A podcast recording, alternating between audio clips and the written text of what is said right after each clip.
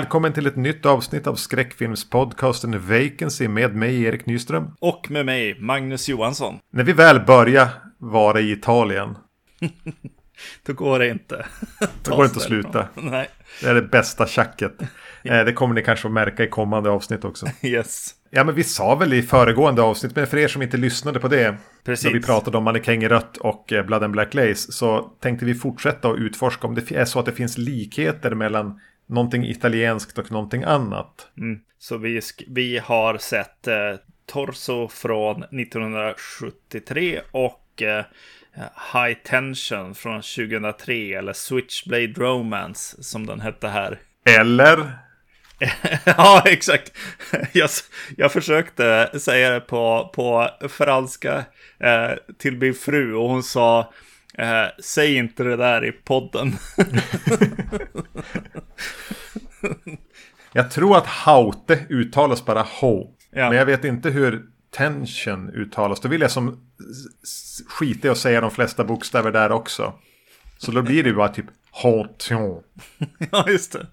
Nice. Men vi, vi håller oss till high tension kanske. Ja. Alexander Aja möter Sergio Martino. Yes. Anledningen till att det här för, för våran del ett så givet avsnitt är att eh, High Tension var en film som när den kom vi fastnade för. Vi upptäckte Aja, vi upptäckte franska skräckfilmsvågen. Vi kommer att prata mer om det när vi pratar om den. Mm. Hade sett den och sen kanske det gick, vadå? Sju, fem, sex, sju år. Sen såg jag då en av de här giallo, giallosarna Mm. som jag har köpt på mig genom åren. Och eh, när man kommer till sista akten i den så vet jag att jag bara, men herregud. Ja.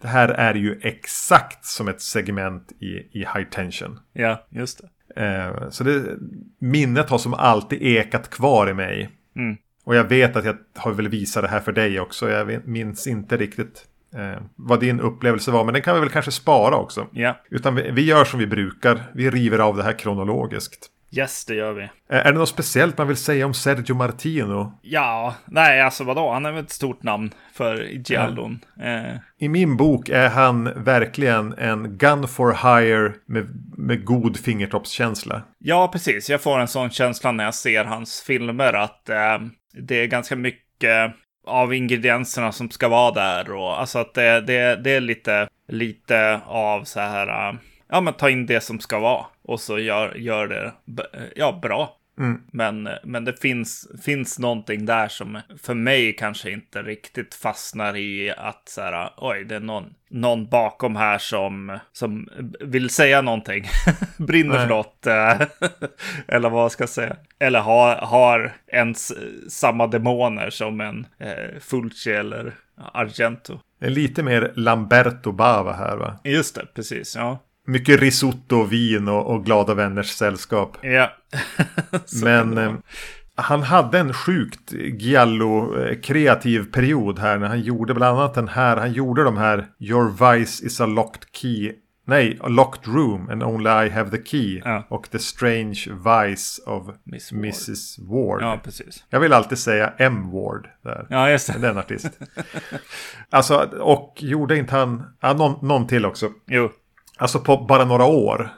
Som är ganska, håll, ganska högt hållna Jallos. Ja, definitivt. Jo, jo, precis. Det är ju inte, inte dåligt, hans Nej. output, helt klart. Nej. Men då för att leda oss in i Torso så kom den alltså då 1973. Den kretsar eh, kring en någon italiensk stad. Du, du, har, du brukar ha koll på det. Vad är det? Rom, Nej, jag vet faktiskt inte vart de är. Verona, Jag, Milano. Ja, precis. Eh, Mycket inspelat i Rom, men, men eh, ja, de är ju definitivt någon eh, på något litet mindre ställe också i den här filmen. Andra halvan ja. Ja, precis. Jo. Just det. Men, men, men det kretsar väl kring ett universitet där studenter blir mördade av någon. Mm. Några av de karaktärer vi har fått lära känna blir stressade av det här och får möjlighet att låna en, en lyxig via, säger man väl, villa Ja. på landsbygden och åker dit. Men det verkar som att mördaren följer efter av någon anledning. Mm. Eh, som sagt var Torso 1973. Mm. Ja, men ska jag bara gå rakt in på det jag alltid tänker när jag ser den här? Så har vi, börjar vi prata om det. Ja. Det är att för mig är Torso inte supermycket Jallo Men däremot ganska mycket slasher. Jo, det är, ju, det är ju den stora, stora grejen som man märker i den här filmen är ju att den är väldigt slasher. Det är den, den här mördaren och masken känns mycket mer slashermördare på något sätt. Svart skjorta och byxor. Och Han står någon gång i riktig så Jason-hållning. Jo, precis. Jo, men det är nog att, att de är lite mer ute i, på landsbygden än vad de brukar vara i Giallos. Mm. Det, det, de är nog lite mer åt, åt eh, eh ja, precis. Li, lite längre ut på landsbygden helt enkelt. Och det hjälper ju med den känslan. Nej, men det är inte så mycket bara svarta handskar och en rak kniv i någon popkulturell kitschig lägenhet. Utan som du säger, det är mer utomhus. Det är paret som hånglar i bilen och någon går ut för att kolla vad, det, vad de hörde utanför. Mm. Och så blir de mördade. Eh, det är någonting med den som känns att den som bara lossnar lite från giallo-genren och börjar glida iväg lite okontrollerat åt något håll. Mm. Men det är ju samtidigt en extrem who done it. Det är, det är en scarf med ett mönster på som spelar roll. Mm. De här psykosexuella undertonerna. Jag tror, jag tror att kanske, kanske just en, en av grejerna som är att, att jag kanske inte köper riktigt hans, liksom, någonting med sexualiteten i hans filmer är produkt. Eh, mycket mer än någon slags, jag vet inte. Alltså det är en väldigt sleazy film helt enkelt. Ja. Men den är ju sleazy också lite grann som en slash-rulle. Att så här, visa ett par stora bröst det första du gör helst. och sådana grejer mm. liksom. Så jag tror att, att det ligger någonting i det. Eh, även om den här, det är väl där, där någonstans den börjar skilja sig från en slasher-rulle. Att, att den går ju ja, över gränsen på något sätt med det sexuella våldet helt enkelt. Eh, tycker jag i alla fall. Att man, man får så ja. nej, nej. och även the male, the male gaze överhuvudtaget i den här filmen är ganska extremt. Eh, alltså den, den eh, första, alltså inom tio sekunder har vi fått nakna bröst och en läskig docka. Ja, ja. och sen eh, några ytterligare, typ kanske 30 sekunder senare så är vi inne i konstanalys. Ja, så det finns kvar där. Ja. Det är, det är fortfarande Giallo på något sätt här. Ja. Uh, ja, jo. ja, exakt. Jo, nej, självklart. Det är väl det som står ut med den här filmen. Att, att den är väldigt uh, slasherig. Och uh, ja, man tänker, ja, börjar tänka på filmer som uh, Fredagen 13. Mm. Ja, framförallt kanske hur tidiga, alltså tvåan till exempel är uppbyggd. Att ja. låt uh, The Final Girl hitta liken och sen vara i fara i resten av, av filmen. Det börjar ju ganska stökigt. Alltså det är mycket studenter, det är mycket trampa runt på något torg utanför universitetet. Det är någon lärare, det är någon till kille där och det är någon scarf och det är ett par hit och dit. Mm. Lite svårt att, att riktigt få fatt i. Och det tror jag Martino har också. Han är ganska ointresserad. Yeah. För han har redan tidigt här fastnat för några set pieces. Mm. Han har redan storyboardat eh, eh, bilmordet. Han har redan storyboardat det här leriga björkskogsmordet. Vi kan gå in på det mer i detalj sen. Yeah. Han har storyboardat den här, det som händer i, i villan här på mm. klippan sen. Mm. Då ska han bara ta sig igenom det här lite trötta presenterandet av Red Herrings. Alltså hela den här grejen med scarfen. Ja.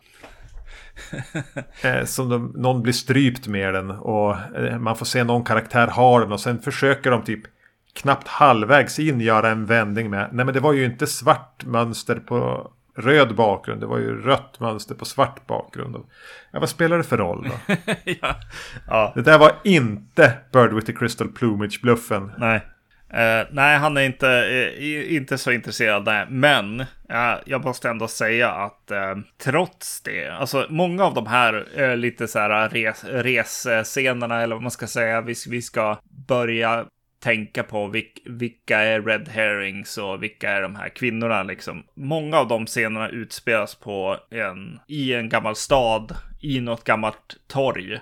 Ja. Eh, med jätte... Det känns uråldrigt. Ja, och, och, och alla husen är...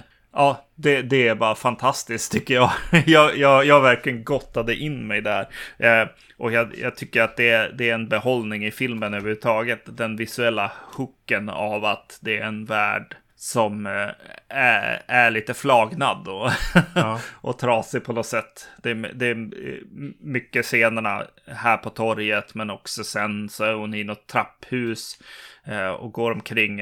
Det är ju helt ruckligt liksom, fast, fast på det där ancient viset liksom. Ja, men det är som att en modern film utspelas på ett medel, i medeltiden på ett sätt. Ja, ja precis. Men det är väl det som är Italien antar jag. Vad vet jag, jag har aldrig varit där. Mm. Men, men den, Martino fångar ju det här snyggt. Alltså den är ju inte visuellt slående på sättet som då eh, Blood and Black Lace som vi pratade om i förra avsnittet. Som är alltså nästan vulgärt bombastisk i sitt visuella. Mm. Det här är ju bara någonting som fångar den här staden, den här landsorten snyggt.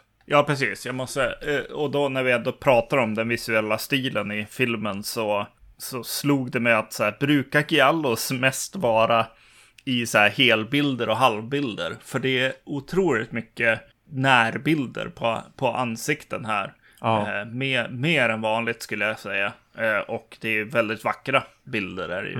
Det är väl kanske, kanske en del i the male gaze här, men eh, lite behagligare än, än upskirts och, och så som den, den Jo men håller på med. Jag kan också. även tycka att den, att den, den gillar att titta på vackra människor. Jag tycker den tittar ganska mycket på männen här också. Ja. Alltså han som dyker upp, den här doktorn mot senare delen. Med sina vackra ögon och höga kindknotar. Alltså den, den tar in ansikten rätt bra. Ja, jo, jo, verkligen. Kvinnliga huvudrollen spelas ju för övrigt, spelas ju för övrigt av Susie Kendall. Från Bird with the Crystal Plumage. Precis, henne har vi nog pratat om tidigare för, för eller åtminstone privat, men jag, jag gillar henne väldigt mycket. Eh, Det, det är en väldigt skön, något som står ut i en Giallo-film när hon kommer in. Jag tror i att hon känns, vad ska man säga, vuxnare Ja. än de Hon flesta. känns alltid så här 37. Ja, Och jordnära. precis, exakt. Eh, En, en, inte, en, inte bara en docka som, Nej. som de ställer ut liksom, utan Som resten av, av, av kvinnorna i den här filmen. I- eh, Lite så, ja, precis. Ja. Ja. Yes. Eh, Så hon lyfter ju en film eh, där gjord av män som egentligen vill ha eh, vackra kvinnor, går omkring och är i fara liksom. Så Ja. om, om hon kommer in så ger hon sina roller ett lite mer djup helt enkelt. Det dyker upp snutar här också. Ja, Eh, och här, när jag såg den här och såg dem här, knuffa sig in i bild i sina jävla kostymer, klia sig i skägget och de är så många också. ja, Då förstod jag helt plötsligt Dario Argentos idé om att man ska ha med polisjävlar i min film. Men kan det väl lika gärna vara poliser som spelar dem då? ja, just det. Det är ingen idé att sätta skådisar i de här rollerna. Nej, Fan vad värdelösa de är. Så otroligt tråkigt det är så fort en kostymklädd snut kommer in i en italiensk film. ja. Usch. jo, jo, här kommer utfyllnaden på något sätt här. Ibland känns det ju så. Men det är väl kanske det, det, det kanske är där kritiken, eller varför man kanske inte börjar, eh, gillar en eh, Giallo om man skulle vara funtad så. Jag är ju inte det. Jag gillar ju mysteriet också, liksom. Men, men det är ju verkligen så här bara, ja men nu ska vi, nu ska vi prata om eh, det som eh, scenerna mellan nu är det en rolig slasherfilm med extra allt liksom. Så ja, jo, de, blir, de, de kan ju verkligen bli extra torra helt enkelt. Extra torra. Mm. Men, men det den här har, jag har redan vidrört dem. Jag tänker att jag skulle vilja gå in på och prata om de här set pieces här då. Mm, Vi har ett mord med det hånglande paret i en bil. ja, Eh, som bara känns som den här, lite grann från Urban Legend eller någonting. De hör ett ljud utanför, eller de ser ju till och med den här vita masken och pojkvännen går ut och kvinnan står där och tittar och tittar. Och det är en eh, dimhöljd italiensk landsbygd i mörker, kanske något, någon ruin i närheten eller vad fan det är. ja, jag tror de är under en bro eller någonting sånt ja. Ja, Mm, ja men det är nice. ja. Japp. Eh, inte den perfektaste finishen på det, men det känns som slasher-mys.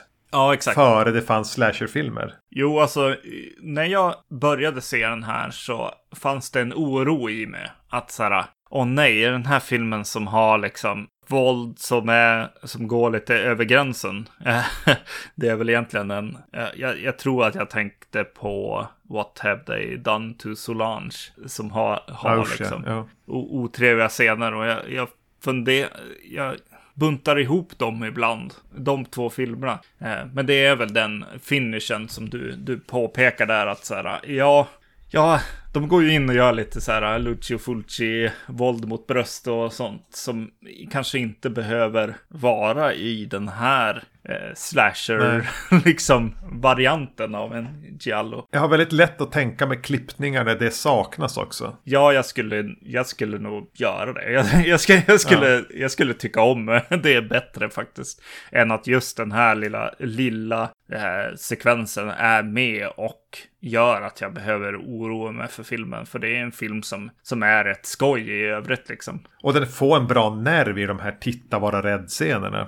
Ja, precis. Jo. jo eh, där, där bilscenen är den första. Men, men, men ja, den får ju en, en annan känsla under andra halvan eller sista tredjedelen. Men efter det kommer ju den här eh, Björkskogsmordet kallar jag det alltid för. Jag har alltid hetat det i mitt huvud. Ja. Men det börjar ju på ett rätt skönt ställe. Det är ju och, återigen så lite överåriga tonåringar. Mm. Som är ute och har någon drogparty utomhus. Ja. Några bara sitter och snackar. Några verkar ha sex. Ja. Någon hångla. Eh, alkohol, droger. Och eh, några risiga snubbar eh, går påiga på en kvinna som tröttnar på dem och drar iväg. Drar iväg. Ja. Först jagar de efter henne på motorcykel och den, den lilla stunten när han kör fast i leran. Mm. En ganska bra stunt. Jag var inte beredd på det. Nej. Jävlar vad han flyger. Yeah. hon är väldigt lerig. Yes. Nåja, den, den, den detalj. Hon, hon blir upprörd över att hon blir antastad. Eh, dålig dagkänsla. Påverkad som satan av någonting. Mm. Och, och klampar bara iväg från den här slottsruinen eller vad det är. Och, och hamnar så småningom i en skog. Det är jättelerigt. Alltså hon får lera upp mitten på vaderna. Ja. Eh, och det är dimmigt och det är kargt och det är så kala björkträd som står där. Ja. Och så står det helt plötsligt någon där. Ja, den är bra alltså. Ja. Just hur hon går där gyttjad eller vad det vad, alltså och leran liksom. Just det elementet i den är the magic sauce till den. Att så här, det här är minnesvärt. Varför gör ja. inte fler så här liksom?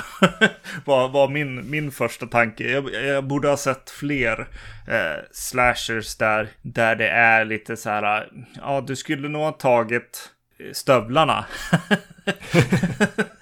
eh, det, det, det ger en, en ja, men kyla, en utsatthet på något sätt där. Jag kan även relatera lite till henne där. Inte att jag bli, brukar bli utsatt av snubbar som tar på mig på fester. Men att jag blev lite för full. Jag blev så jävla less på alla som är här. Nu drar jag. Ja, och kanske att man drog dit för att komma undan någonting. Ja. Eh, som ändå påminner om det som, det som händer en just Exakt. nu. Att så bara, men vad fan, jag skulle ju ha en kul kväll liksom. Så blev det så här. Ja, ja. ja men jag går bara iväg genom skogen, visst det blir bra. Ja. Ja, det, är, det är återigen en, en jävligt väl iscensatt, snyggt fotad. På ett lite mer gritty sätt då. Eh, mm. Det är som att jag har Blood and Black Lace i huvudet hela tiden. Jo. Eh, men det är återigen en, en bra setpiece till mord. Som, som mer för tankarna till en slasherfilm än till en eh, Giallo. Precis, och här, här, här har jag faktiskt skrivit en, en note på att vad det, den, den avslutas på ett mycket bättre, mer sparsmakat eh, sätt än den här bröstattacken vid bilen. Ja, jag, jag, fastnar ju för eh, det italienska fotot, det, det i, i scensättningen av de här sakerna. Jag vet inte om du kommer komma till, till en scen här bara för att den är inte så mycket av en setpiece. Men eh, det finns en karaktär, ta, eh, karaktär som heter da Danny som har lite så här eh, röd, rödbrunt hår. Ganska mycket kajal. Ja, precis. Och hon, ja. eh, hon går upp i en scen för en någon slags marmoraktiga eh, trappor. Och har en svart klän, eh, eh, hon har svarta kläder på sig och det här röda håret och eh, ja, precis, och matchande liksom brunröda ögon. Och så sen att hon kommer till någon brunröd dörr. Alltså, det är bara väldigt, väldigt snyggt iscensatt. Mm. Och, eh, och en, en stilstudie bara. Eh, rakt upp och ner. Att så här, ja, så här borde ju film se ut. Så här borde ju Netflix-looken vara. Inte den tråkiga som den är idag. Oh, vilken värld. Ja, ja. Ja, var det något mer set pieces som du ville komma till? Ja, men egentligen är väl det. Ja, men vi får ett litet mellansegment efter de här eh, stiliga inledande morden. Eh, med mycket prat och små ointressanta twistar. Mm. Som leder till att några karaktärer åker iväg till den här villan. Mm. Som de får låna av en, vad är det, morbror till Danny här. Ja. Tror jag. Eh, som även pekas ut som en ganska kraftig red herring. Mm. och någonstans i det här kommer ju även det här segmentet när någon jävla idiot väljer att försöka utpressa mördaren. Ja. yes. Alltså, någon gång ska jag innan, eh, förmodligen är det väl det som blir det sista jag gör, så ska jag göra det. ja, ja. På ett jättekorkat sätt ska jag utpressa någon som där jag med tur har fått veta har gjort någonting som den skulle kunna råka i trubbel för. Mm. Vilket händer här. Det, det där det blir lite dumt också. Det är som att det, det, ska bara vara med. Vi ska ha den här lite äckliga försäljaren som måste bli mördad av mördaren för att han vet vem det är. Och det, och det är då, då eh, du kommer liksom på något konstigt sätt se, se från mördarens ögon. Och, och ett rakblad kommer komma upp i, i bild. Ja. Och så kommer du, kommer du stå och backa in i en vägg och inte göra någonting förutom att ja. bli ihjälhuggen. Du beskrev just mitt, mina sista ögonblick i livet. det kommer att bli episkt. ja. ja. Eh, ja, men sen hamnar vi i den här landsorten. Mm. Susie Kendalls karaktär är där. Danny är där. Ett par, alltså ett, ett kvinnligt par är där. Mm. De mest slätstrukna karaktärerna. Ja. Framförallt hon som inte har, har den här eh, schyssta mickfrillan. Nej, just det. Ja. Jag, jag tror inte hon har en replik. Nej, just det. Nej. Det är verkligen bara, bara ballast. Ja. Eh, de åker dit. Eh, man, man anar att mördaren är där, någon stalkar utanför. Mm. Och sen kommer liksom det som för mig, eh, förutom Björkskogsscenen, är det lite episka med Torso. Mm. Att Susie Kendalls karaktär typ ramlar i trappen ur till en fot och fått lite schyssta tabletter av den här läkaren med de vackra ögonen. Ja. Så hon går upp för att lägga sig tidigt Mm. när de har hällt i sig lite champagne och annat. Eh, och så knackar det på dörren. Och där står en annan Red Herring. Mm. Och faller död ner. För att han hade just blivit strypt. Och så är det Fade to Black va? Ja. Och sen vaknar Susie Kendalls karaktär. Ja. Och det här, ja, det, det är ju här det, kopplingarna till High Tension kommer. Ja. Mördaren vet inte att hon är i huset. Nej. Och hon får väl i princip syn på honom nerifrån trappen. Hur han håller på att göra sig av med de kvarlevorna av hennes kompisar. Ja. Och även varav en inte ens är död än. Och hon försöker smyga sig ner, smyga sig ut, hålla sig undan. Försöka un samtidigt undanröja alla bevis på att hon har varit där. Ja. Och det blir väldigt nervigt och spännande. Jo. Det är väldigt snyggt, alltså, äh, särskilt starten på den tycker jag. Alltså just, just också att hon har ja, tagit lite tabletter tillsammans med, med champagnen som hon sköljt ner dem med och så. Ja. Eh, och eh, vaknar kanske antingen för sent eller för tidigt från, den, från det här med de här sömntabletterna i kroppen på något sätt. Och just starten på det känns, känns väldigt, väldigt bra. Vad hette den där filmen som vi såg eh, med en blind kvinna? Ja, just det. Eh, ja, nu kommer jag inte ihåg. Var det Mia Farrow som var blind? Ja, där? Mia Farrow-filmen. Ja. Eh, det var något som See jag tänkte... Evil. Ja, just det, precis. See No Evil. Det var, det var den jag började tänka på faktiskt till, till viss del när det här började. Att så här, ja, just det.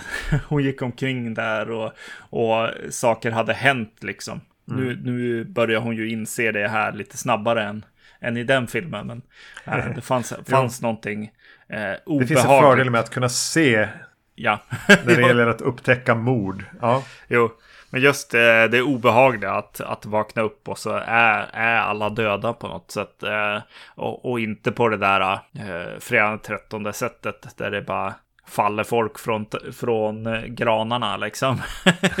utan utan det, det är liksom bara, de bara ligger döda och liksom. Och hon, för, hon smyger runt där ja. Ja, eh, mycket bra. Man tänker ju på på fredagen den 13 2 också. Eh, I vissa scener när hon gömmer sig under en säng och sådär. Mm. Det finns, finns saker kvar där. Eller blanda ihop de här två filmerna nu. Ja, det gjorde jag nog. Men... Eh, jag kände också det. Och att hon försöker sätta i den där telefonen tänkte jag just ja, säga. just det. Just det. Nej. Vad roligt. Eh, mm. Och det är roligt att det är 30 minuter kvar också. Eh, när, ja. när det börjar liksom. Att filmen får, får ändå ändra karaktär. Mm. Och gå från den här giallon med slasher-doft eller, eller slasher med giallo-doft till att bli någonting lite annorlunda. Mm. Någonting som bygger väldigt mycket på spänning. Just det, precis. Och, så att de och smy smygandet. Ja, att de ser, ser uh, mördaren göra de här grejerna liksom. Även om hon kan ta ja. sig ut så är det ju trauma för evigt, känner jag i alla fall. Uh, börja såga ja, Jag tror att Susie Kendall kommer ha svårare att hämta sig från händelserna i Torso än efter händelserna i Bird with the Crystal Plumage. Ja, ja. jo, nej men det är en bra idé. Alltså ensam i ett hus med en mördare liksom. Det, det är riktigt bra. Men eh, sen, ja, finalen på det här betyder ju att det ska komma dit en, en läkare med, med vackra ögon och rädda henne. Ja. Eh, den, den, den, kanske inte toppar hela den här fantastiska sekvensen i, i huset på ett värdigt sätt riktigt. Nej, nej, nej, precis. Nej, det har du ju rätt i. Alltså, det är ju en, en sekvens som ska vara en, en mot en. Ja. En utsatt, en mördare och hon ska ju vinna i slutet liksom på något sätt här. Men ja, nej, det måste komma någon och rädda henne där.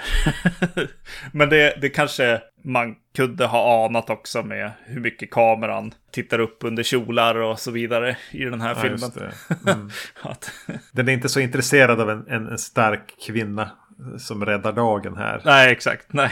Utan det är en docka att ställa på hyllan. Ja, precis. Det är bara att Susie Kendall säger nej.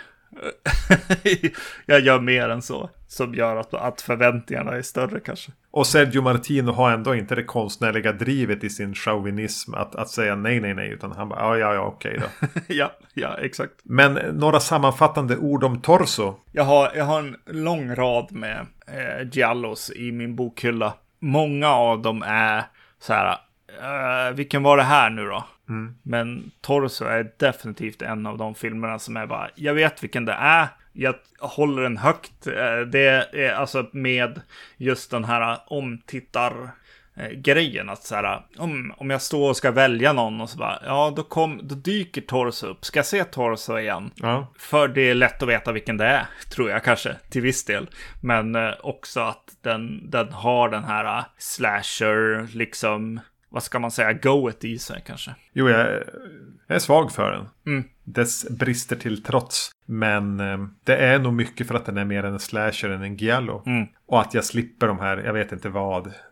De här eh, poliserna i kostym försvinner ju rätt fort. Det är inte så mycket sövande scener med, med groggar i någon lägenhet och någon fo photoshoot eller, eller någonting där man tappa intresset. Mm. Eh, utan att den, den hänger upp sig på några set pieces och på ganska distinkt spänning. Ja, precis. Jo. Ja. Den lever på någon slags high tension. Just det. Snyggt.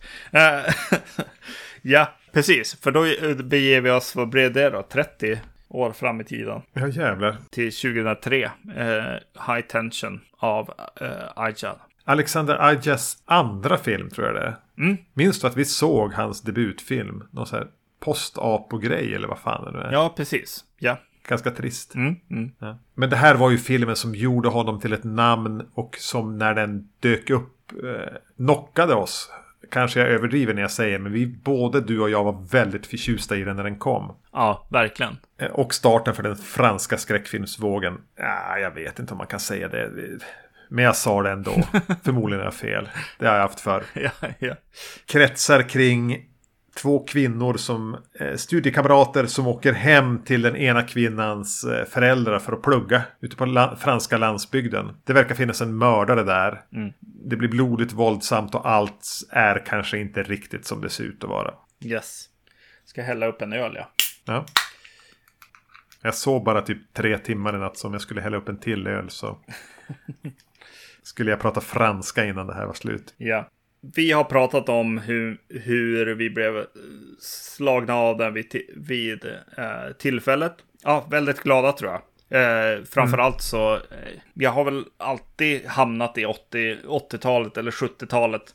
Eh, så när det kommer en film som, som är bra, bra på riktigt så, ja. så vill man hylla dem ganska mycket. Och där, där, där, jag kan ta ett exempel som It Follows. Uh, The Witch. Ja. Jag blir glad att det finns, finns film, filmer och filmskapare som gör, gör bra grejer. Uh, och den känslan fick, fick jag ju ganska starkt med High Tension när den kom. Mm. Eller Switchblade Romance då. Men... Den titeln är ju fruktansvärd. Ja, ja vi kan väl lämna den kanske. Ja. Med då det sagt uh, och den här titeln i backspegeln och och eh, en del filmer som har kommit sedan dess, liksom som It Follows och The Witch och ja, några till liksom, guldkorn. Så har väl den här kanske fått ta en baks, backseat plats ja. lite grann och eh, Ajas, äh, Alexander Ajas liksom karriär i Hollywood och så. Eh, jag vet inte. Eh, det, det, det, är saker som har hänt på vägen helt enkelt som eh, gör att jag inte har tagit upp den här så ofta eh, längre jag är förvånad att vi inte har pratat om den här på podden. ja, det känns märkligt att, att det har kunnat gå så 10 plus år och vi inte har hamnat här än. Nej, vi har sett Shrooms före ja. den här. Eh, ja. Men det då sagt eh, så vill jag därför att det här samtalet ska få vara ett, ett ganska öppet och, och spoilerfullt eh, eh, samtal. Så det jag försöker säga nu är bara, jag rekommenderar den här jätte, jättestarkt eh, än idag. Och jag tycker att folk ska se den. Så om du inte har sett den, se den och kom, ba, kom tillbaks hit eh, strax. Ja. ja. Jo, jo, men absolut. Eh, det, det, är klart att man ska ha sett den här filmen. Ja. Sen var det intressant att se. Jag har inte sett den på säkert 15 år. Det var väldigt kul att återvända eh, och uppleva hur den känns lite i backspegel med det som har kommit efter. Mm. Och som kanske har på något sätt grumlat vattnet lite. Exakt, ja. Japp, japp. Eh, det är ju väldigt kul att se den här. Eh, nu, nu, nu hoppar vi in helt enkelt. Det är väldigt kul att se när och vart den här var gjord. För hur många filmer har man inte sett från runt den här tiden? Eh, filmad med lite så här DV-kamera, en kvinna. Filmerna ska gärna börja med en kvinna som vacklar eh, runt i skogen. Eh, blodig eh, och med lite så här halvsunkiga förtexter som, som, som någon har gjort i någon sån här after effects-program som de har, har provat liksom. Det, det... Lite sprakiga distad musik. Eh, yeah. mellanting mellan musik och ljudeffekter. alltså, det, det, det, det är ett tidsdokument på något sätt här ja, alla gjorde så här, Norden, eh, Norge, alltså det finns, finns mycket, mycket här som reflekterar. Ja. Klippen till en fötterna som hänger, sitter alltså på någon form av sjukhusbrits filmade snett underifrån. Man ser några fötter sitta där. Ja, men är det här någon på ett sjukhus kanske? Och, och säger någonting, vi kommer alltid att vara tillsammans. Ja. Eh, det, ja, det är lite läskigt. Man bara, åh nej. Uh, den här filmen som jag tyckte så bra om. Hur... Ja, det, det, är jobbigt att börja där. Skitläskigt. Uh, det här är ju bara shrooms eller... Det låter som att jag pissar på shrooms, det vill jag ju inte Nej. göra. Men, men, men det är den... Är det här bara i ett till tidsdokument? Var det bara det att man råkade se den här först? Ja, precis, precis. Uh, någonting smyger på mig dock. Uh, till och med i den här skogen. Uh, inte i förtexterna. De är väl väldigt tidsenliga. Men det är någonting i den här skogen som, och, och det här eh, fotot som bara, nej, det känns inte fullt ut som de filmerna ändå. Eh, det är någonting i att inte kanske färgjustera eh, sönder filmen. Det är någon, någonting i fotot här. Eh, sm sminket också ska jag säga. Med, med de såren och, och färgen mm. på blodet och, och sådana grejer. Att säga bara, nej, det är, det är film det här. Det är någon som har, någon har jobbat här. Jag, jag kan på något vis känna den söta lukten av fake blod. Ja, ja, ja. Och eh, något som jag inte har tänkt på, jag har bara tänkt på det här som en regissörs eh, film. Men jag kollade upp fotografen och han, eh, han har ju fått en, en redig karriär i skräckfilmsgenren efter den här filmen. Det här är hans första film. Och eh, har gjort, eh, eh, följt Alexander Aja i sin karriär men har också gjort annan, annan skräckfilm mest namnkunniga som är så här storfilm är väl den Nun kanske. Ja, men om, om man då ska slå på stora trumman redan från början med vad jag tänker på när, det, när vi har lämnat introsekvensen och vi, och vi presenterar sig kvinnorna i bilen. Mm. Eh, och hur fotot presenterar hur de är på väg mot den här gården. Och mm. Det är ju Texas Chainsaw Massacre. Ja, ja verkligen. det är det. Den har den nerven och intensiteten i Lofi-fotot. Ja, Exakt. Och fysiken. Ja. Uh, och det är många som vill att det ska vara så. Uh, ja. uh, gratis. Men det är nog inte gratis. det ser Nej. man ju här. Att så här, vänta, det, det är ju verkligen genomarbetat för att få en Texas Chainsaw Massacre-känsla. helt klart. Och den här som jag börjar kalla det för så här aja-åkningen som är lite i, i sidled och lite svagt uppåt. Mm. Längs ett staket eller längs ett fält eller någonting. Han har sin sidledsåkning bara för att etablera miljö. Mm. Ja, det, den sätter ju en estetik i början. Jo, verkligen. Något kul med filmer som har twister som den här ju har är ju, tycker jag, ända sedan jag såg Psycho, att karaktären som det handlar om säger någonting som bara är övertydligt. Bara jag säger vad, vad twisten är. Jag bara säger det rakt upp och ner. Och så, och så kör vi därifrån. Och det, det händer ju här bara i den här bilen på vägen. Hon bara säger. Ja, jag har tänkt på en grej. så här. Så här ligger det till. så här upplever jag världen. Och så bara, ja, ja glöm det. Ma Men ha med, det som en, ha med det som en doft. Exakt. Mother, she isn't quite, quite herself today. Eh, som han säger i, i eh, Psycho. Eh, och eh, som jag hyllade lite grann i Shrooms också. Att så här, bara, det, det, där tror jag hon säger, det är jag, det är jag som gör allt det här. Och i, i, den här så är det, är det så roligt. För hon säger bara, ja men jag, jag tyckte det var en man som, jag tänkte att det var en man som jagade mig. Men det var jag som jagade mig själv. Säger ja. hon i bilen. Så bara, ja. ja. så, okay. då kör vi. men det är roligt även vid en omtitt. Eh, som sagt var, vi spoilar ju här mm. att, att, att det är huvud, huvudkaraktären som är mördaren. Mm. Men man hejar ju ändå på henne. Ja. Det är märkligt att man gör det vid omtittar. Ja. Jo, det är starkt. Ja. Och bara, bara för att uh, gå igenom lite av den här den twisten genom filmen också på en omtitt just. Hennes, hennes vän eller kärleksintresse eller vad hon är. Det är en kompis som hon är ganska tänd på. Men kompisen är väl inte tänd på henne. Nej, exakt. Hon spelar ju hela tiden som vad som händer. Eh, och det är ju fantastiskt. Det, det, det, tycker jag verkligen om i, i en scen när, när eh, de är i huset här i början och och eh, hon sitter fast eh, kedjad och liksom munkavlad i sängen. Och eh, hon är i en scen medans, medans eh, våran huvudrollsinnehaverska spelad av Cécile de France. mm. kan det vara så? Låter som att, eh, att jag snabbt skulle hitta på ett franskt namn. Ja. Så skulle det bli Cécile de France. Ja. Och eh, ja, hon spelar, spelar en annan scen. Hon är med om något annat. Eh, ja. Det, ja, ja, ja, det är snyggt. Det är bra. Mm. Jag gillar det. ja, alltså det, det, min första anteckning, mm. förutom TCM, står det i hörnet här. Det står för Texas Chainsaw Massacre. ja. Är att den här filmen fick mig att vilja börja röka. Ja. för scenen när, när hon går ut för att ta en cigg här. När hon ska sova över hos kompisens föräldrar. Ja. Och alla har gått och lagt sig. Hon går ut och sätter sig på Texas Chainsaw Massacre-gungan. Mm. Och bara för att ta en cigg. Ja. Och jag bara tänkte, men fan vad gött att bara gå ut sådär. Man sitter inte och spelar Pokémon Go eller är jävla Instagram utforskarläge och dyster skratta åt memes. Mm.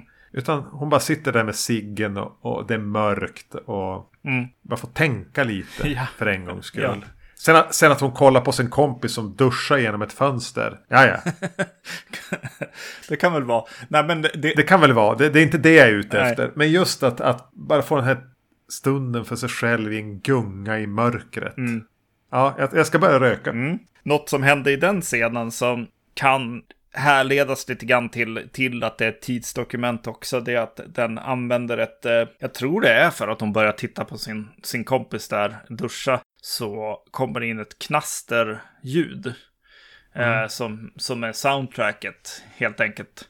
Eh, och eh, det tog på mig faktiskt ganska tydligt till ett minne som jag har. Jag, jag vet inte om jag pratat om det tidigare, men det var något tillfälle där jag eh, fick något riktigt så här ont i kroppen. Jag fick någon tarmgrej om jag ska vara grafisk runt det. Okej, det var inte själslig smärta. Nej, utan det var... faktiskt smärta. Och så här, jag håller på att svimma eh, helt enkelt. Börjar gå och bara iväg från mitt gäng till och med. Det var en väldigt konstigt event helt enkelt. En sån där riktig sån här katter som går och dör i ett hörn liksom. Jag bara gick, gick Ja. ifrån min, min syrra och min fru och, och började gå i, i Stockholm liksom i natten. Och när, när folk gick förbi mig så, eh, och jag hörde dem prata så hörde jag bara det där knastret snarare än deras röster. Så jag, det var väl någon nära döden upplevelse, jag guess. Jag, eller då svimma. Liksom jag borde ha svimmat, men jag gjorde det inte. Eh, situation. Ja, det, det minnet kom tillbaks med att så här, någonting står ju helt klart inte rätt till. helt enkelt. Hur de, hur de visar det med det här knastret är kanske lite överdrivet, men också inte. När jag har varit med om det här. Det är ju svårt att få till. Ja, För att jag kan tänka mig att du ska ha sett många andra filmer med det här knastret. Mm. Där du inte har associerat till den här verkliga upplevelsen. nej precis, nej, nej. Men, men High Tension av någon anledning får det att göra det. Mm. För att den prickar in saker rätt. Jo, Men du, vad säger vi om presentationen av mördaren här då? Och här är väl en till tillfälle där man kanske ska, ska ta det. Att så här bara, vänta, det här är för mycket. Eh, men det är, ja, för det är ju, vi får ju se mördaren eh, sitta i sin bil vid ett så här eh, majsfält i princip. Bilen är en riktig sån här eh, risig, någon slags, eh, något som man tänker ska vara från någon krigstid liksom. Alltså, den ser lite ut som bilen som man kör i Jeepers Creepers. ja, precis, just det. Den, den är lite för gammal. Ja, precis. Fördesignad. Ja. eh, mördaren eh, sitter där i och är svinäcklig. Ja. Och eh, har sex med ett huvud helt enkelt. och slänger ut det genom, eh, genom fönstret och kör iväg. Jo, men det sätter en standard. Jag hade sett något där. Jag skulle inte ha valt att göra den här scenen. Nej, det skulle nog inte jag. Och det är väl det som är anledningen att Aja i Hollywood och inte, inte jag. Nej, just det. Nej. Nej, jag skulle, jag skulle ha tänkt för mycket. Ja, precis. Eh, Jag tror att liksom hennes eh, psykiska liksom, alltså driv till att mörda och så är på, är på en nivå som är rätt extrem liksom. Och det, det får man ju se via den här mördaren och hur, hur en, någon som skulle kunna mappas som, ja, till viss del Leatherface såklart, men också Michael Myers i många fall. Men att, att när Michael Myers andas så är det lite återhållsamt ändå. Fast att det är sexuellt i, i första filmen i alla fall, eh, påstår jag. Men eh, i den här så är det massa, massa eh, slem och vätska och... Alltså liksom, han, eh, han, han är verkligen eh, over the top på något sätt. Eh, inte på ett clean, cleant sätt, utan på ett stört sätt nästan. Två saker jag vill säga. Som, eh, den första tar avstamp i just scenen med bilen här där mördaren liksom sätter igång. Mm. Och det är att jag tror att redan vid första gången jag såg den. När jag hade förstått twisten och tänkte tillbaks på den. Så tänker jag på Nick Cave-låten eh, Song of Joy. Alltså för öppningsspåret på Murder Ballads. Mm. när han sjöng, eh, twisten i den låten är ju att det är låtens berättare som är mördaren. Ja. Och någonstans i den så, så, så sjunger den så här, And a dark and grim force set sail. Mm. Och det är exakt det som händer när han kastar ut det, när han är klar med huvudet och kastar ut det och kör mot nästa grej. Mm. Ja. Och det är även berättaren. Det är något nästan som händer inom berättaren. Ja, just det. Dels det. Och, och hans uppsyn. Eh, den här vadå, 60-åriga farbrorn i någon arbetaroverall. Är att trots att han pratar och han är äcklig och han snor. Alltså så skulle jag inte kunna identifiera honom. Nej. Man får se ansiktet framifrån, delvis snett nerifrån. Alltså, men det är aldrig den här etablerade bilden som man är så van i ett eh, filmiskt berättande. Grammatiken är där att du ska få en etablerande bild. Ja. Kanske två. Mm. För att riktigt lära dig hur den här personen ser ut. Det kommer aldrig här. Utan vi får de efterföljande lite underspelade bilderna på honom. Mm. Vilket gör att jag skulle inte klara av en sån här line-up. Ja, fru Palme. Vem, vem var det nu som sköt din man? Ja. Nej, precis. Nej. Nej, nej, den, den, den, den gör ju liksom eh, Michael Myers och Leatherface på ett eh, eh, sätt där, ja, du får se den. Eh, se mördarens ansikte, men du får aldrig tag i det, nej. Nej. Nej, det är bra. Eh, TCM och Maniac. Mm, eh, exakt. jo, jo det, den kommer ju in, helt klart. Ja, vi kommer, återkommer Ja. dit. Eh, vad skulle jag säga? Nej, men alltså det är ju, det kanske också har med den här tiden att göra. Att, eh, och och när, när filmer gjordes på låg budget och eh, med, med liksom, ja men vi gör bara en mördare som dödar folk i en skog liksom. Det, de görs ofta av skräckfilmsälskare. Eh, och det görs den, gör den här filmen också. Men de här har nog förstått mer. de har, de eh, eh, tittar på karaktärer och glöm, glömmer inte att skapa eh, den snabba anknytningen som behövs för en bra Fredag den 13 film eh, mot för en dålig en till exempel. Eh, ja, de, de tar den korta tid som egentligen behövs för att, att man ska börja tycka om de här personerna. Och man ska, man vill dem väl, helt enkelt. Och då var det här jävla spolingar. Alltså Aja var 25 när han gjorde den här. Ja, ja, Och, och ville göra en film som påminde om de filmerna han gillade. ja, exakt. Mm. Eh, och ändå lyckas på något vis få den här huvudkaraktären att kännas ganska levande. Som vi hejar på även vid omtittar när vi vet att hon är en, en psykopat. Mm. Och jag menar hela det här huset som de är i, i, i första tredjedelen åtminstone drygt. Eh, föräldrahemmet är ju så jävla byggt. Ja, Alltså, man känner ju lukten av snabbt uppslängda scenografitapeter här. Eh, och det är någonting med fotot också. Med de här lite snabba åkningarna ibland. Man känner bara, åh fan nu börjar det lukta, vad heter han? Genet, han som gjorde Amelie från Montmartre. Och Det förlorade barnens stad och delikatessen. ja, Eh, och den balanserar på det rakbladet där det inte ska kännas oh, jag, eh, jag är så jävla burlesk. Mm. Det är så mustiga bilder hela tiden. Det är ett sånt mustigt. Det får kännas byggt om det vill. Bla bla bla. Det är så jävla svårt. Jag kan tycka att, att, att High Tension misslyckas vid ett par tillfällen. Det är någon åkning genom huset här när hon vid första mordet. Mm. Ah, det där gillade jag inte. Mm. Den kändes för, den kändes för fransk helt enkelt. ja, Men det är någonting med Luffy-andan här som gör att den undkommer det. Att det, att det är mer Texas Chainsaw Massacre eller Maniac. Än vad det är Det förlorade barnens stad eller Amelie från Montmartre. mm, Men, men det är som att det är någonting som sitter i, i texturen på fransk film. Som hela tiden riskerar att ta över vid den här tidpunkten åtminstone. ja, precis, just det. Ja, jo, men så kan det vara. Jag tror att, vad det eh, att ha sett Torso nyligen också gjorde att jag såg, jag såg lite mer eh, Giallo-inspirationer i, i filmen den här gången. Alltså att jag såg så här, ja men, eh, det till så här, åh, här är det tre stycken tavlor med fjärilar upp, uppspända på väggen. eh, och ungefär i samma veva så, så tar mördaren fram ett rak, rak kniv och eh, balansen med, med det sexuella på något sätt. Att, att eh, the male gaze som ändå alltså, eh, infinner sig när hon, vad, vad säger man? Eh, onanerar, vad heter det? Mm. Eh, i, i, eh, så helt plötsligt så, så byter filmen, eh, bryter filmen skulle jag säga rent av. Från så här, åh, det här är hennes, hennes eh, tillfälle, hennes scen, till att det är vå, våran som tittar på något sätt. Det är filmskaparna, liksom.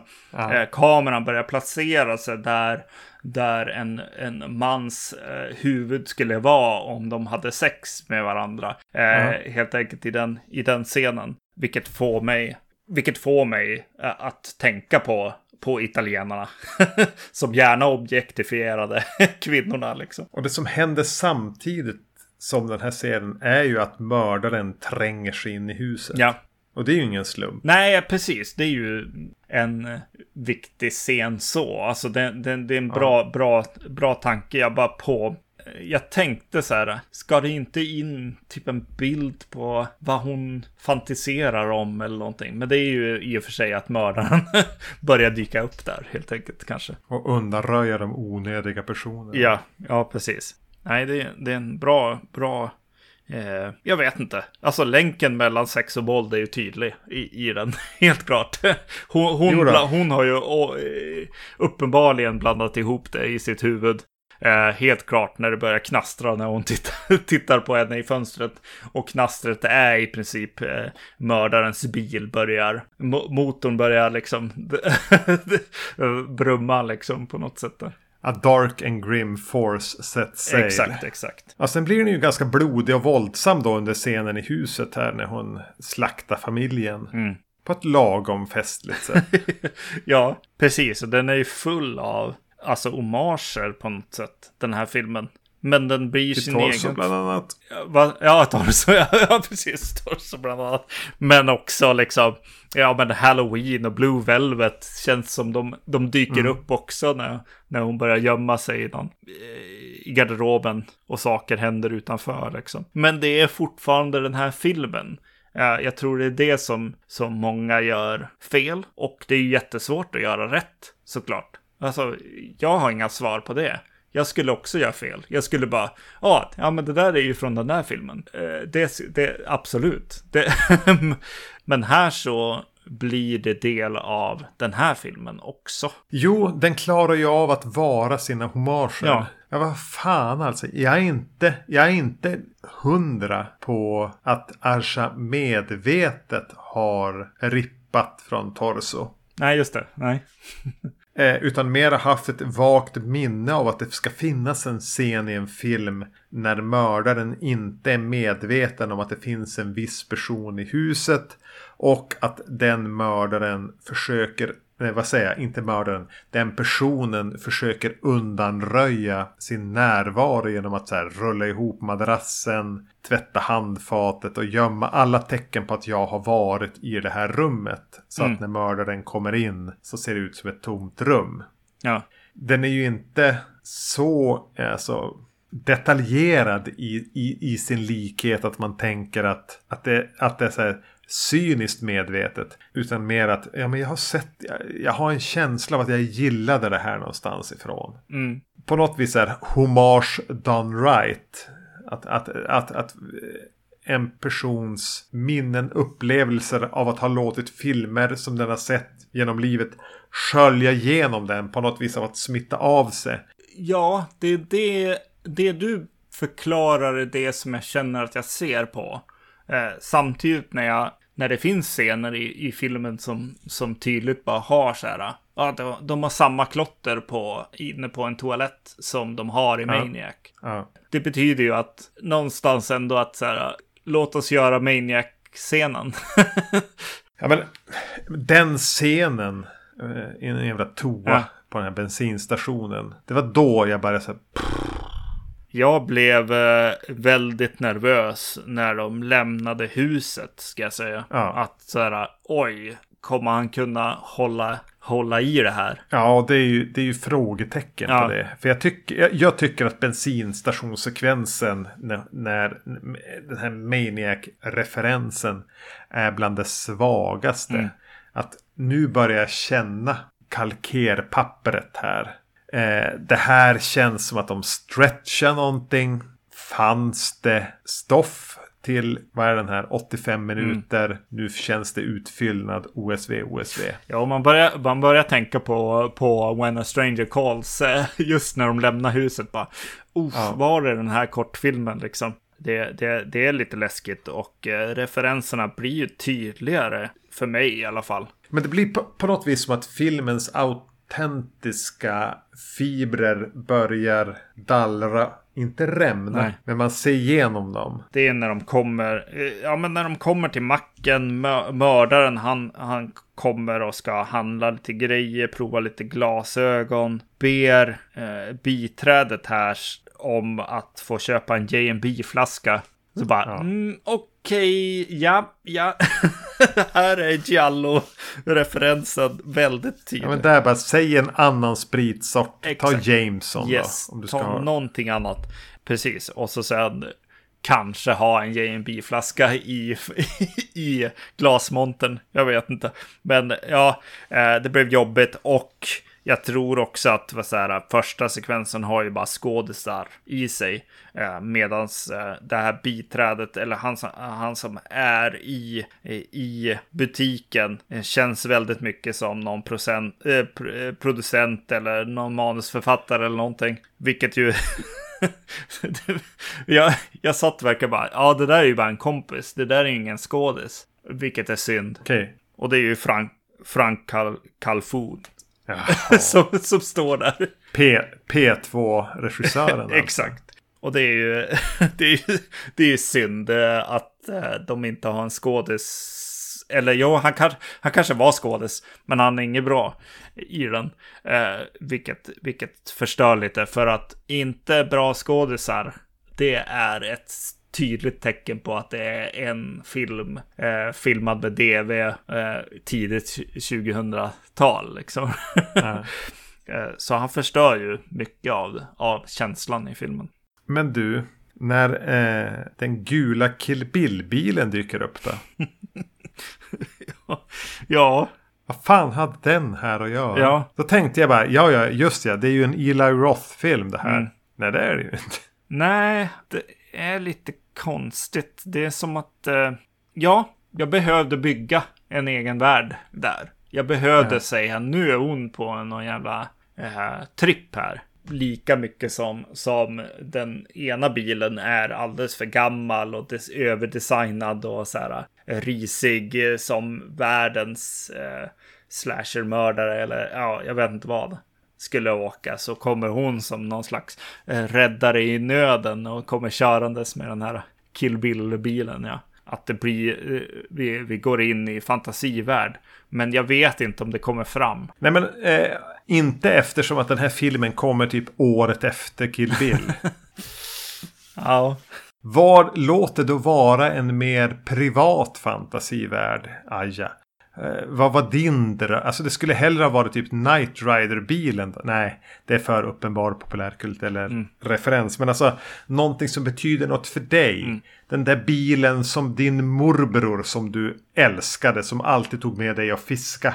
Den jävla Opeln ni körde iväg med då till, till, till den där lilla sjön. Låt det vara den bilen.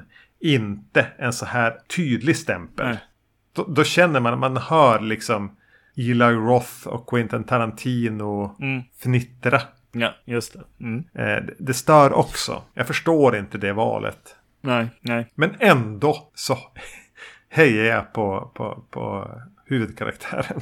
Ja, exakt. Och sen att de bygger henne till, alltså precis som mördaren känns ikonisk, eh, så blir ju hon ikonisk eh, mot slutet, alltså eh, efter kraschen som hon är med om. Blodet rinner och hon kommer in i det här slutmomentet som eh, sådana här filmer ska börja med.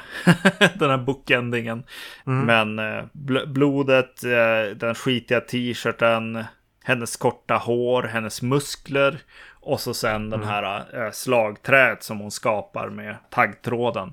Det blir ju en ikonisk karaktär och en ikonisk bild av henne. Och det är kanske inte där man tänker att filmen börjar eh, egentligen, men det, det, är dit vi kommer. Och det är ju på något vis det här makeshift eh, slagträet med tag, taggtråd som, som man har i huvudet. Mm.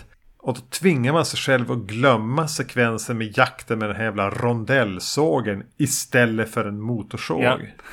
ja.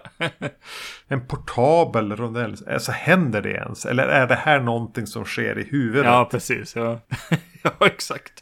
Ja, det vet man inte längre. Nej. Alltså, den här slutsekvensen har ju liksom väldigt mycket tillbaks. Ja, men den fortsätter rakt igenom på något sätt. Man, man börjar tänka på Black Christmas med plasten och alltså det finns massa grejer som, som bara ja, det är en referens till det där, referens till det där.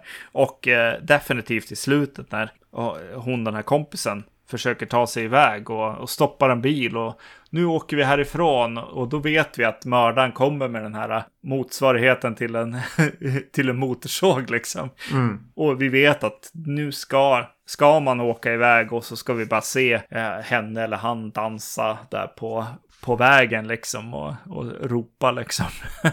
det är där en, fil en film som det här ska sluta och då blir twisten att nej, du kommer inte undan på något sätt. Mm. Att, att använda referenserna också för att vända på det. Eh, ja, det tyckte jag om också faktiskt i slutet. Ja. Där. Jo, ja, men det är väl lite, lite gott och blandat på sig det här i och med att vissa referenser hanterar den oerhört snyggt och smart och, och liksom lyfter det till någonting där den vänder på mina förväntningar. Mm. Andra blir lite tröttare. Ja, exakt. Ja, ja någonting jag satt, satt och tänkte på ungefär nästan som, som i Torso med så här, nej, låt det inte vara någon något riktigt så här våld som går emot slasher-genren på något sätt. Alltså över, övervåldet mot bröstet där är väl, är väl framförallt det jag tänker på i den. Eh, så tänkte ja. jag här att så här, de får se twisten på ett ja på ett band när poliser börjar titta på mackens övervakningskameror och bara nej, det är ju hon. Och jag har sett en film som är, vadå, den är, den är inte lång. Den är 1.30 eller någonting, den här filmen. Mm. Ja, inte ens ja. det. Jag var jätteengagerad i eh, början i det här uh, skeendet helt enkelt. Så när jag ser henne eh, hugga biträdet i, i macken så så har jag förstått allting. ja. Så det som jag var mest nervös över bara, nej, gör inte flashbacks nu. Visa inte så här hur det faktiskt gick till när hon mördade familjen. Åh, oh, så fruktansvärt det hade varit att se. och det är väl det vi får, tyvärr.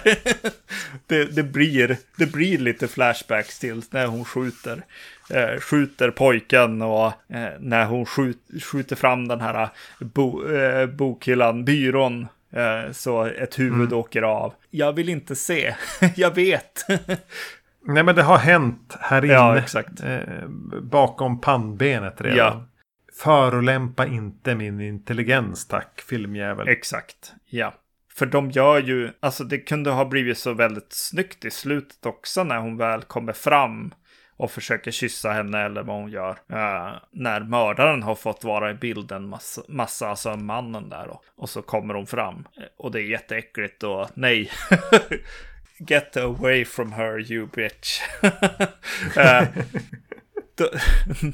det var så onödigt kände jag. Det är nog det jag definitivt skulle ha tagit bort mest från den här filmen. Mm. Eh, förutom det här eh, biträdet i, i, på macken. Förutom Frank Calfon alltså. Precis, som bara, nej just det.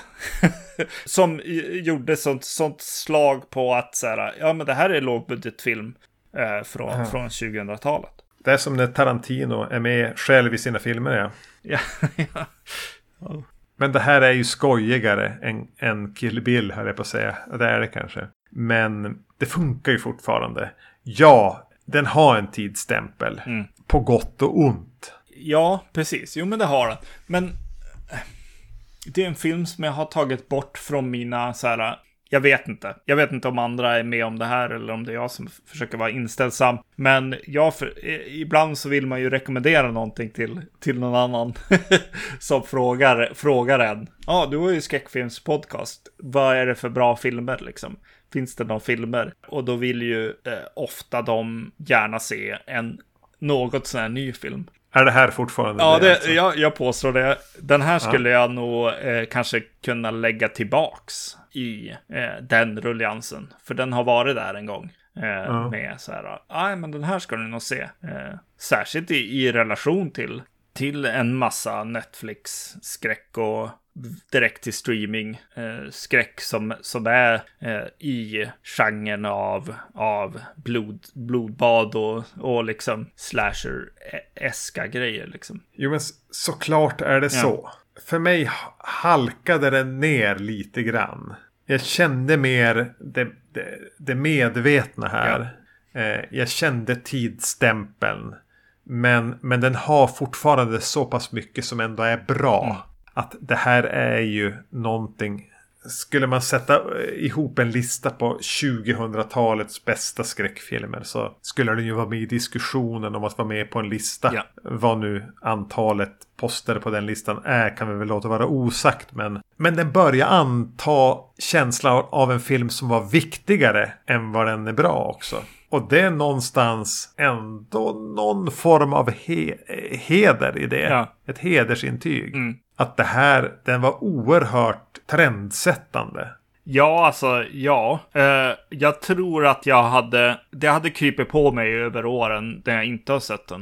Uh, för mig, mer än att så här. Mm. Så jag var mer orolig inför att se den igen. Uh, än vad jag fick, fick se nu. Eh, så jag var inte så, så hype. Så helt enkelt, eh, den, den fick en skjuts av det. Mm. Men eh, den största grejen som var den negativa med det var ju att när de lämnade huset så blev jag orolig. Mer orolig. Definitivt den här gången. Och den, är, den, den tappar ju någonting. Det, det gör den ju. Att den kortfilmen som den är i början den, den hinner inte riktigt ikapp förrän kanske att den tar, tar tillbaks det genom att bara ha en, ett, ett kladdigt blods liksom fight i slutet som, ja, som ja. räddar upp den igen. Liksom. Ja, alltså den har en Texas Chainsaw Massacre-nerv i början. Mm. Framförallt kanske innan det ens hinner hända någonting. Ja, ja. Med, med, både foto och, och just den här dallrande känslan. Mm. Ja, men det kommer kanske att dröja innan jag den. ja. Mm. En, en till, eh, till avsnitt avbockat av de här som vi någon gång hade varit tvungna att göra. Någonting med Aya liksom. Han, han har inte fått mycket hits. Eh, alltså det gick inte, inte jättebra i, i Hollywood. Men något, alltså jag, jag, jag får tillbaks minnet av att så här, men det är ganska skoj ändå. Alltså, det är någonting, någonting med ja, hans filmskapande som även när det är riktigt risigt är lite skojigt mm. och, och kul. Ja, men ja, det är nog alltså bara hans regi kanske. Som jag tycker är, är, är kul. Mirrors är väl ett jättebra exempel på en film som ja. är riktigt, eh, så, som inte är bra, men rätt underhållande. Det blir kul när vi gör eh, Aja eh, Hollywood Remakes avsnittet och sen när vi gör Ajas eh, filmatisering av eh, litterära verk avsnitt som kommer. Mm. Ja, kanske förrän jag anar. Yeah. Jo men Aja är ju någonting som har varit viktigt för mm. oss. Så det är klart att vi måste dit eh, på ett eller annat sätt. Yeah. Eh, vet du vem mer som har varit rätt viktig för oss? Nej, vem kan det vara? Kan det vara Dario Argento? Jajamän. Vad tror du om att glutta lite på vad han har hittat på på sistone i nästa avsnitt då? Det, det gör vi. Jag ska, ska på, eller har väl varit då, på Monsters of eh, Film där han ska komma till, till Stockholm och, och eh, snacka om, eh, vad är det de heter? Vortex och som han är skådis i och Dark eh, Glasses som han har regisserat. Eh, och ja. det är de vi ska prata om i nästa avsnitt. Whoopidoo! Yes! Ja, kul att ni lyssnade på oss prata om Sergio Martino och Alexander Ajas eh, eh, crossover. Yes. Eh, vi finns där poddar finns. Ja, vi säger så. Yes, ha det bra. Hej. Hej!